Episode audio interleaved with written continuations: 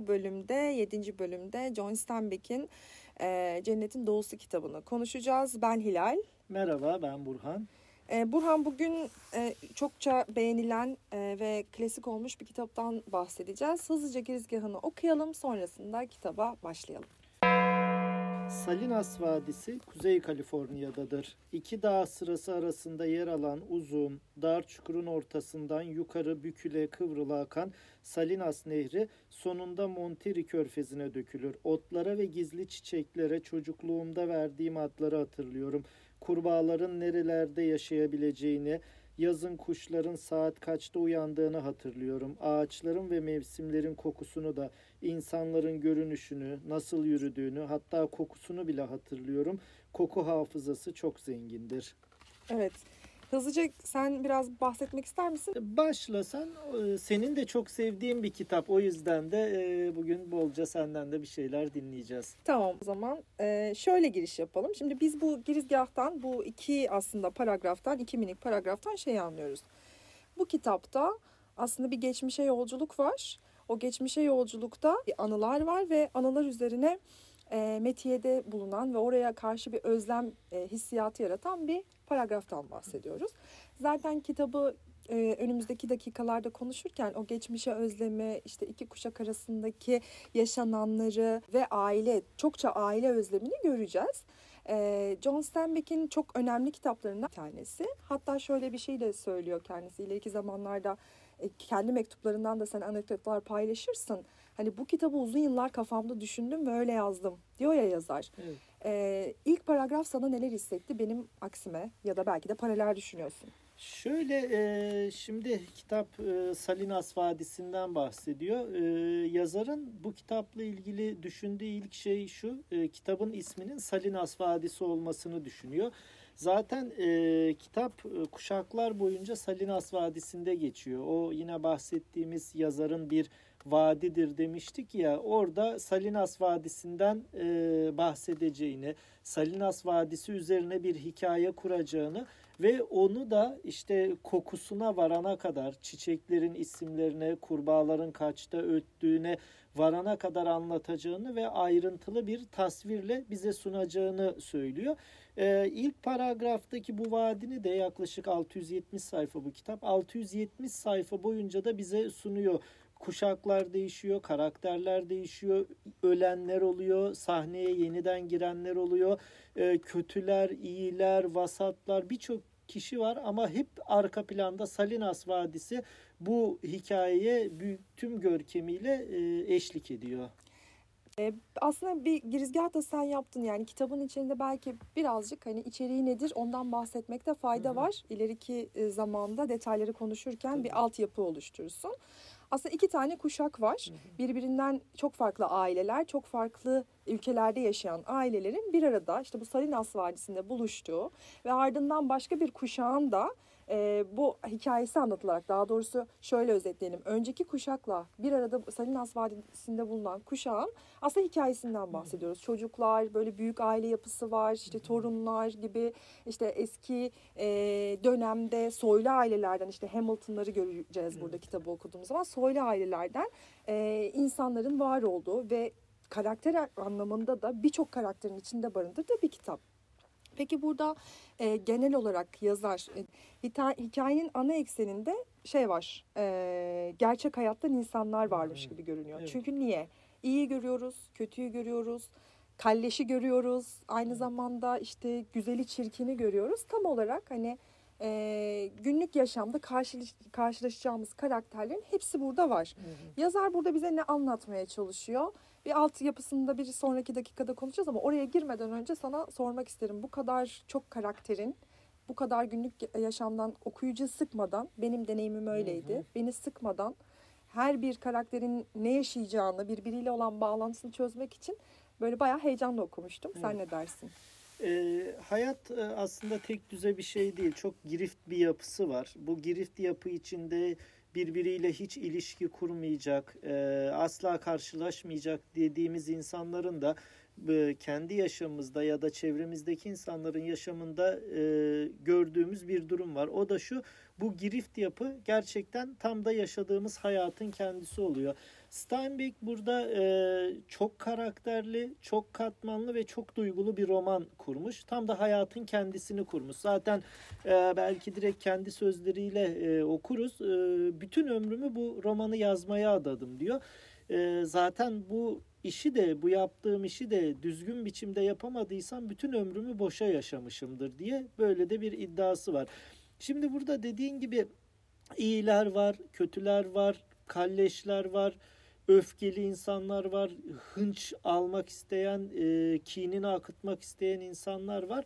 Var da var. E bunlar tam da hayatın içinde var olan şeyler ve bunları o kadar sahici ve gerçekçi sunuyor ki yani romandaki bir karaktere bile ya bu da burada iğreti durmuştur diyemiyoruz. E, gerçekten bir e, mühendis, bir mimar titizliğiyle karakterlerini çizmiş ama aynı zamanda büyük bir yazarın yapacağı şekilde onlara ruh vermiş. En önemli şey de o. Yani bir karakter nasıl oluşturulur dersleri de var, e, yöntemleri de var. Oluşturursun karakterini, kaşını, gözünü anlatırsın ama ondan öte ona ruh verebilmektir. Bu kitabın belki de en önemli özelliği e, kitaptaki tüm karakterlerin ruhu var. Hem de öyle canlı bir ruh ki Örneğin kitabın en önemli karakteri diyelim ki Adam, Kathy hangisini dersek diyelim Caleb, Aaron, e, Lee bir sürü var böyle bak saydım. E, bu herkese göre değişebilir. Değişecek, Biz bunu evet. kendi e, etkinliğimizde de konuşmuştuk ya biri demişti ki Lee benim için önemli. Çok e, ilgimi çekti. Birisi Aaron, birisi Adam gibi Benim demişti. için Samuel birinci. Samuel bak hiç adını bile anmadım ben senin için Samuel.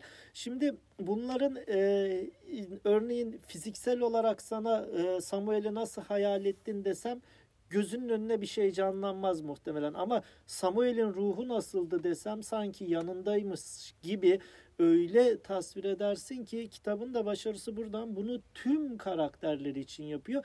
Kıyıda köşede kalan hiçbir karakter, hiçbir durum, hiçbir olay bırakmıyor. Silik bir şey yok. Silik hiçbir şey yok ve e, bu da e, kitabı okudukça merak et diyor. Merak ettikçe okutturuyor ve adeta şey yapıyorsun. Hani bir karakter senin sevdiğin bir karakter sahneden çekildiği zaman ki burada kuşakları anlattığı için bazı karakterler kitap boyunca sahneden çekiliyor ama onun yerine gelen karakter en az onun kadar tutkulu, en az onun kadar ruhu iyi anlatılmış bir karakter olduğu için büyük bir keyifle ve hevesle okutuyor kitap kendine. Kesinlikle öyle. Ee, biraz önce şey dedin hatta ben arttırıyorum onu. Hani Samuel'i bir fiziki olarak e, tasvir edebilir misin kendi hayalinde? Evet. edebiliyorum çünkü karakteri o kadar iyi yaşadım ki Hı hı. ya da onun ruhu o kadar çok işledi ki sevdiğim bir insanı belki de Hmm. onun yerine koyuyorum aslında ya da işte onun ya da ona benzettiğim gerçek hayatta var olan benim hayatımda da var olan bir insan onun yerine koyuyorum. Hatta Hmm. söylemiştim yani dedemle çok benzeştirmiştim. Samuel karakterini demiştim. O anlamda bence karakterleri yaş yani günün sonunda bir insanın hayatında birinin bir karakterin hepimiz günlük hayatta birileri için karakteriz ya Evet. bir karakterin yer edebilmesi için paylaşımın çok yüksek olması lazım. Okur burada bütün karakterlerle paylaşımlarını en üst seviyede tutuyor. Yazar bunu başarmış. Ee, senin söyle yani senin söylediklerine ek olarak bunu söyleyebilirim. Ee, Edebiyat tam da bunun için var zaten. değil, mi? Hı. Ay, kesinlikle öyle. Yanı sıra şey yani hikayenin hani demiştik ya bir önceki bölümde de katmanları var. Bazı romanların katmanları var ve alt metinlerde başka şeyler de anlatmak istiyor bize. Bunu her roman için söyleyemeyiz. Bazı okurlar bunu hissedebilir, bazı okurlar e, an, a- anlamadak, anlamaktan öte o şekilde yorumlamak istemeyebilirler ama bu kitapta aslında net bir şekilde gördüğümüz bir e, hikayenin ana ekseninde, iki kuşak arasındaki e, hikayenin ana ekseninde bir de Habil ve Kabil hikayesi Hı hı. var. Evet. Başında şunu söylemiştik, iyiler var, kötüler var, işte bütün insani duyguları içinde barındıran Hı hı. insanlar var. Öte yandan işte Adem'le birlikte başlayan ki nispeten isimlerin karakterlerin adlarına geldiğimizde de bundan biraz Evet. bahsederiz ama işte iki kardeşin sevgisizlikten dolayı birinin birine duymuş olduğu kıskançlıktan Hı hı. dolayı hikayesini görüyoruz. İşte artık e, travmatik bir çocukluk Hı hı. görüyoruz. Buradaki e, hem iyilerin hem kötülerin hem işte bütün insani duygularını e, barındırması insanların yanı sıra o Habil ve Kabil hikayesine atıfta bulunması acaba şeyi bize anlatabiliyor olabilir mi? Yani insan gerçekten duygularıyla var olmuş Hı hı. ve bir insanın içinde iyilik de olabilir, kötülük de olabilir. Çünkü bizi seçimlerimiz var ediyor ya. Acaba yazar bize alt metinde bundan da bahsetmiş olabilir mi? O Habil ve Kabil hikayesi nereden geliyor? Şuradan geliyor. e, tam da senin dediğin gibi e, biz e, işte bundan 40-50 bin yıl önce mağaralarımızda yaşarken e, de şimdi gökdelenlerde ya da işte büyük apartmanlarda yaşarken de aslında duygularımızla varız. Ve çoğu zaman olaylara karşı verdiğimiz tepkiler de o mağara adamının da aynıydı. Bizim de aynı. O yüzden de o Habil Kabil hikayesi hala devam ediyor. İşte o kıskançlık, anne babaya olan bağlılık, tutkuluk, kompleksler gibi şeyler e, devam ediyor. Burada da aslında bu kitap e, işte o belki Salinas Vadisi de e, işte o Habil Kabil'in doğduğu yani cennetten e, gönderilen Adem ve Havva'nın bir şekilde işte buluştuğu, çocuklarının işte Habil ve Kabil'in olduğu işte e, bir toprak gibi de hayal edilebilir. İşte bu başka bir okuma biçimi sunuyor. Zaten dini kitaplarda e, bir tarafıyla bizlere bazı hikayeler sunar. E, işte İncil bunu 2000 yıldır sunuyor. İşte Tevrat 3000 yıldır sunuyor. Kur'an 1500 yıldır. İçinde bazı hikayeler var. Ve bu hikayelerde e, böyle kitaplara, e, klasiklere e, misafir oluyor. Alt metinde yer alıyor. Çünkü 3000 yıl önce anlatılan bir hikayeyi bugün başka türlü anlatabiliyorsun ve e, insan aynı insan olduğu için biraz daha gelişmiş arabalar kullanıyor, işte ceb, bilgisayarlar kullanıyor, e, başka hasletleri, başka tutkuları oluyor ama e, bir kriz anında ya da bir öfke anında verdiği tepki tam 3000 yıl, 5000 yıl, 10 bin yıl önceki mağara adamının verdiği tepkiyle o kadar benziyor ki o yüzden de şey e, yani alt metinde Habil ve Kabil'in olmasının bir sebebi de şu insan ne kadar e, değişirse değişsin dış görünüş olarak e, biçim olarak yaşayış olarak ne kadar değişirse değişsin içi hep aynı. O ilk insan dediğimiz e, kişiyle aynı e, ruha Duyguları. sahibiz aynı duyguları besliyoruz o yüzden de Steinbeck burada o duyguların da değişmediğini anlatmak için böyle bir e, alt metin ve metafor kullanmış diyebiliriz. Evet çok güzel. Yani aslında Habil'le Kabil hikayesi dışında başka alt metinler de var kitapta. Onları da eğer süremiz yeterse konuşuruz. Peki biraz kitabın karakterlerine gelelim. Biraz önce saydın. Birçok karakter var kitapta. Kimileri dediğin gibi çok kısa misafir oluyor ama işte kimilerinin aslında hayat hikayesini tüm kitap boyunca görüyoruz. İşte bir geçmişe dönüyoruz, sonra tekrar günümüze geliyoruz vesaire. Karakterleri analiz ettiğimizde aslında iki tane önemli ana karakter çıkıyor. Bir tanesi Adam, bir Evet. tanesi benim için daha doğrusu Evet. belki senin için değişebilir. Benim için Hamilton'lar yani Evet. Hamilton ailesinin e, babası. E, ve bu hikayenin ana ekseninde aslında bir tarafta bocalayan ve babasını taklit eden bir Adam varken Hı bir tarafta yine babasını taklit eden ama daha böyle sevgiyle yaklaşan, daha hayata pozitif bakabilen ve aslında e, biri Habil biri Kabil diye nitelendirebileceğimiz Hı hı. bir ayrım var. E, ve karakterlerin çok fazla olmasına rağmen e, her birinin birbiriyle iletişimi ve birbiriyle örgüsü e, çok muhteşem örülmüş. Hı hı. Sen nasıl değerlendiriyorsun? Öne çıkan bir karakter elbette var herkes Hı hı. için. E, görünenin arkasında da ya bu karakter olmasaydı da bu kitap olur muydu acaba ya da işte bu kadar yordu mu seni bu karakterler? Kimisinden duymuştuk çünkü çok Evet. fazla karakterin olmasına. Sen nasıl yorumlarsın?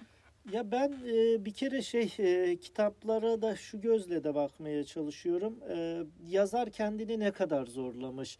E, çünkü kendini zorlaması aslında bize olan da saygısını da gösteriyor. Çünkü bir kitap yazılıp basıldıktan sonra artık yazardan çıkıyor. Ona ait her şey okura ait oluyor. Yani artık Cennetin Doğusu evet Steinbeck'in kitabı ama aynı zamanda ben okuduğum için benim de bir kitabım oluyor. E, o gözle de baktığım için bir kere Steinbeck'in kendini bu kadar zorlamasından çok memnun olmuştum.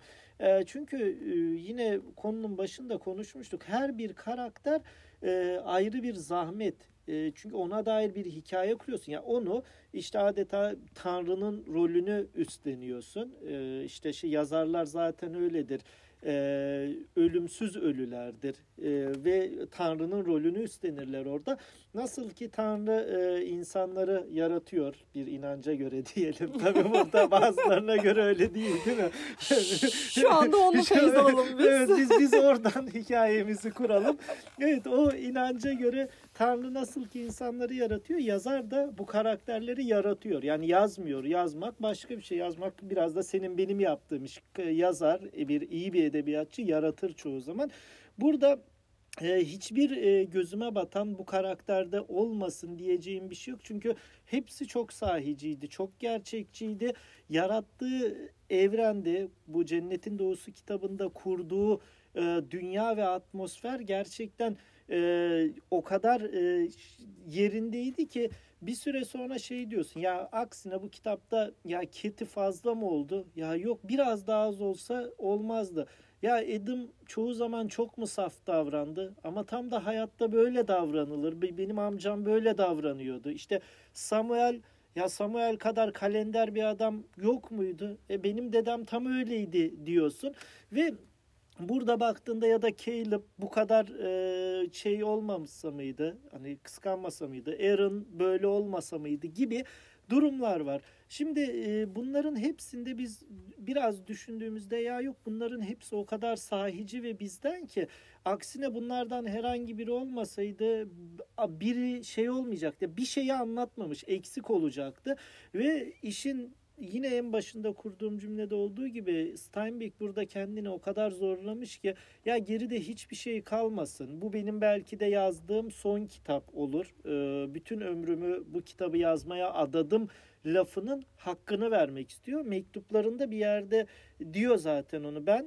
e, bütün ömrüm boyunca bu kitap için hazırlık yaptım. Gazap üzümlerini yazarken de, fareler ve insanları yazarken de ben bu kitaba hazırlığımı yaptım ve bu kitap için e, uğraştım dediği dediğinden dolayı geride hiçbir şey bırakmamaya çalışmış ve gerçekten de bırakmamış. Baktığımızda tüm karakterler yerli yerinde ve tüm karakterlerin temsil ettiği o zamanki hayatta da şimdi de yarın da birileri olacağı için hep okunacak bir kitap yazmış.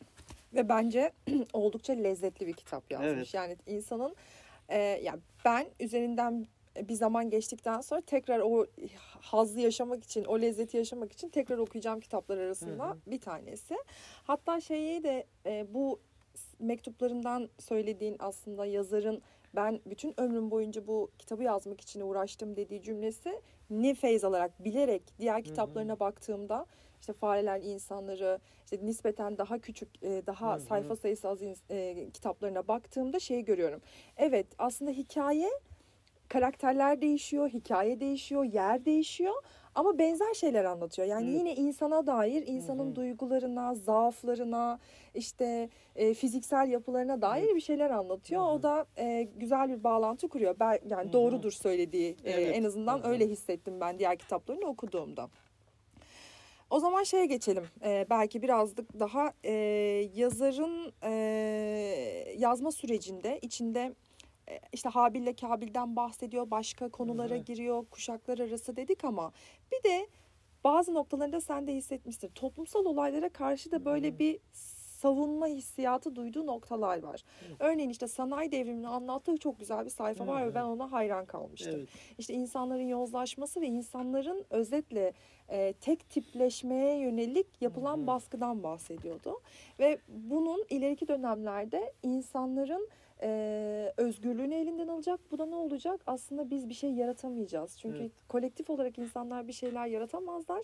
Hı-hı. Bireyin kendi ruhundan yola çıkarak sanat oluşur, müzik oluşur, evet. işte çeşitli dallar oluşur. Ama işte sanayi devriminin o kolektif e, olma arzusu, insanları Hı-hı. o şekilde yönetme arzusu o yaratım sürecini engeller ve biz bunun içinde çürüyoruz der. Evet. E, Steinbeck'in böyle bir düşüncesinde Hı-hı. kitapta görüyoruz. Birkaç tane noktaya dair de böyle e, hem e, tabirleri, tasvirleri hem de tanımlamaları var. E, bu kitapta çok yer görmese de senin de böyle öne çıkarabileceğin ya evet e, yaratıma dair, toplumsal hı hı. olaylara dair bir şeyler vaat ediyor, söylüyor ya da böyle bir amaç gütmemiştir ama yine de e, bir şeyler anlatma derdi var diyebileceği yerler oldu mu? Oldu. Ee, şöyle şimdi ben bu kitabı okurken özellikle o sanayi devrimi e, ve aslında biraz da insanın yavaş yavaş modern hayata geçtiği kısımlarla ilgili yerlerde şunu hissetmiştim. E, Steinbeck vasat insanı çok sevmiyor. Yani ortalama insanı ya sevmiyor demeyelim ya da işte sevmiyor da diyelim. Evet yani, yani olabilir. Yani olabilir. Evet sevmeye Kimi insanlar sevmez. Sevmez evet aynen. E, vasat insanı sevmiyor. Bunun yerine işte yaratıcı e, bir şeyler yapmaya çalışan, farklı fikirler ortaya atan insanları sanki daha çok seviyor gibi. Burada da işte özellikle o senin de söylediğin gibi sanayi devrimiyle aslında e, vasat dediğimiz vasat biraz da ortalamadır. Bir kalıptan çıkmış insanlardır. Bugün de e, bir şeyde onu al Bugüne bak işte sosyal medyada hepsi birbirinin aynısı olan yüzlerce e, insan var. Biz de onlardanız diyelim. Kendimizi de ayırmayalım. Aynı hadi. işleri yapıyoruz. Aynı, aynı yerlerde kahve içiyoruz, içiyoruz vesaire. E, evet yani. aynı fotoğrafı paylaşıyoruz değil mi? Hepimiz Starbucks'ta kahve içiyoruz. Büyük bir şeymiş gibi de paylaşıyoruz onu. Halbuki, bir yıl çalışıp 15 gün tatile tatil, gidip gidiyoruz. sanki bütün hayatımız tatilde geçiyormuş gibi, gibi davranıyoruz. yapıyoruz. Aynen öyle. Şimdi Steinbeck biraz da burada e, şey yapıyor. Yani bu vasat insanı e, aslında şeyini, kötülüğünü, yanlışlığını ve sıkıcılığını anlatıyor. Tam hı hı. olarak da sanayi devrimiyle. Çünkü sanayi devriminde de insanlar adeta makina gibi e, fabrikalara giriyor bir adeta şey üzerlerinden tır geçmiş gibi oralardan çıkıyor, dinleniyor, geliyor. Bunun benzerini yine gazap üzümlerinde de anlatıyor diyor. O portakal bahçelerinde çalışmak üzere hı hı. insanlar gidiyor ve başka hiçbir şey yok. Sadece karınlarını doyurmak için. Orada başka bir zaruret vardı. Burada başka bir şey. Ve Tam da senin dediğin gibi e, Steinbeck e, yaratımın ancak e, şeyle e, ortalamanın üstü zeka, akıl ve çalışmayla olacağını söylüyor. O yüzden de kitabına biraz da bu konular ondan e, misafir etmiş. Çünkü kendisi hiç durmuyor. Sürekli çalışıyor, sürekli yazıyor ve e, şeyden sonra Fareler ve İnsanlar kitabını yazdıktan sonra şöyle bir şey diyor. Hala en sevilen kitaplardan biridir. Mektuplarında diyor ki bir kitap yazdım. Ee, hani çok da sevilir mi sevilmez mi bilmiyorum. Ama yayıncıma da gönderdim basılması için diyor. Ve kitap Fareler ve İnsanlar çıkıyor. 50-60 yıldır hala hala konuşulan, hala birçok listenin en başlarında ilk beşlerde onlarda gelen bir kitap. Çünkü kendisi hep daha iyisini yapmak üzere, daha güzelini yazmak üzerine e, çalışıyor ve uğraşıyor. Evet, e, çok güzel özetledin. Ee, peki o zaman böyle biraz daha kapanışa giderken E, şeyden bahsedelim. E, kitabın işte bitişiyle ben merak da ediyorum aslında bu soruyu sana sormamıştım hı hı. E, etkinliğimizde de. Kitabın bitişi beni çok vurmuştu. Hı hı. Yani e, kötü hissetmiştim. Ne anlamda kötü hissetmiştim? Şimdi detay vermeden evet. söyleyeceğim. Bazı kitaplar vardır ya tamam böyle bitecek hani artık hı hı. şey olacak gibi hissedersin. E, burada yazar ters köşe yapmamış hı hı. ama ben yazarın e, çok daha farklı bir son yazmasını beklerdim. Babasından farklı olarak. Bu çok bir şey e, evet. ifade etmeyecektir Aha, dinleyenler evet. için. Babasından Ederse farklı. de etsin ya okusunlar kitabı ne yapalım. Babasından farklı olarak farklı bir noktada bitirmesini isterdim. E, kitabın bitişi beni aslında biraz etkiledi. Sen nasıl e, bulmuştun kitabın bitişini? Şöyle e, bir kere ben açıkçası yazarın belki de ters köşe yapmasını bekliyordum. Ee, ben de ya belki işte iyi sonları mı seviyoruz diyelim. Ben sevmiyorum. Ya da, ya da şeyde e, hani nasıl ifade edelim bu kitap o kadar iyi bir kitaptı ki bende uyandırdığı hissi şimdi sen deyince biraz daha düşündüm. Nasıl bitirirse bitirsin eksik kalacak gibi hissediyorum. Çünkü kitabı ben de çok beğenmiştim. Keşke bir cildi ee, daha olsaydı bir, değil Evet bir cildi daha olsa. Bu arada şey e, niyetlemiş yazmayı onu da söyleyelim. E, işte ömrü yetmemiş. Çünkü bunu bile yazması çok uzun yıllarını almış. E, yazmaya da niyetlediği için belki de bazı o kıyıda köşede eksik kalmış diyeceğimiz şeyler olsa bile aslında ikinci ciltte belki niyetledi. Ben de kitabın bitişinin uyandırdığı his şuydu.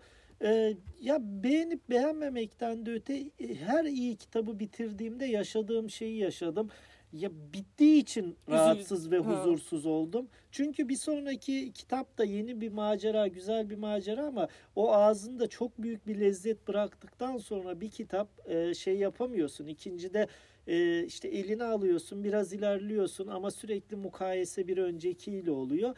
O yüzden ben bitişini beğenip beğenmemekten öte e, şey yapamadım. Yani o nasıl bitirse herhalde memnun olmayacaktım. Bir 100 sayfa daha yazsaymış. İşte Keşke. hadi biraz daha ilerletseymiş. Bak hikayede var değil mi? Öyle kollara Devam yine eder. ayrılıyordu. Hatta ikinci sorum sana şey olacaktı. Şimdi e, kitap acaba hangi karakterin hayatıyla devam ederdi? Ha. Ben mesela kız kız e, yani e, şey e, Sam, Samuel Hamilton'ın torunlarından işte kız hı. torunlarından mı devam ederdi yoksa diğerleriyle mi devam hı. ederdi? Hala benim aklımda soru işaretidir. Evet. Zengin olan çocuk ne yaptı? Ne yaptı? Tabii ya şey çok enteresan. Onu da e, ben şeyi merak etmiştim aslında. E, çıkar böyle şeyler yıllar sonra. ikinci cildi yazmaya niyetlediyse karaladığı bir şey de vardır ama ona dair bir şey okuyamadım. Çünkü Steinbeck bu konuda e, şey de nasıl diyeyim her şeyi yazabilirdi. İşte Hamilton'ın kız torunlarından da devam edebilirdi. Hiç alakasız bir yerden bir kişiyi alıp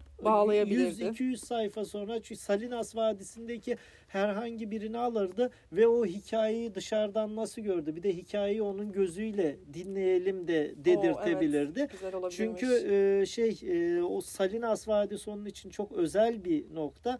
Orada bir sürü başka insanlar da vardı. Birçoğunu anlatmış ama anlatmadıkları da vardı. Onu da yazabilirdi. Belki ileride bunlar hep tasnif ediliyor. Yani şey geçenlerde 70 yıl sonra Nazım Hikmet'in bir tane şiiri bir e, şeyin arasından kitabın arasından çıktı, Çıktı. da paylaşıldı. Hala çıkabilir. İşte şu bendeki Steinbeck'in Mektuplarla Bir Yaşam kitabı var. Bunun e, ön sözünde e, şöyle söylüyorlar. Yaklaşık 3000 sayfalık mektubu biz e, azalttık okunabilir bir şeye gelsin diye. İşte 400-450 sayfalık bir Evet. şey gelmiş. Yani düşünün bütün ömrü boyunca e, yazmış ve şunu da söylüyor Steinbeck ben her gün neredeyse mektup yazdım ve bu mektupların hepsi de bulunamamış. Düşün Hmm. bak sadece mektup o mektuplarda kitaplarına dair ne anekdotlar vardır. E, devam kitabına dair belki bir sürü ipucu vardır. bilgi vardır. Vardır. Belki ilerleyen yıllarda onu da biz e, görmüş olacağız diyelim. Ömrümüzde faydası Ederse, inşallah. Evet, evet inşallah. O zaman e, bu bölümü de kapatalım. Kapatalım. Ee, bizi dinlediğiniz için teşekkür ederiz. Yeni gelecek bölümde e, gelecek bölüme kadar kendinize iyi bakın. Hoşçakalın. Hoşçakalın.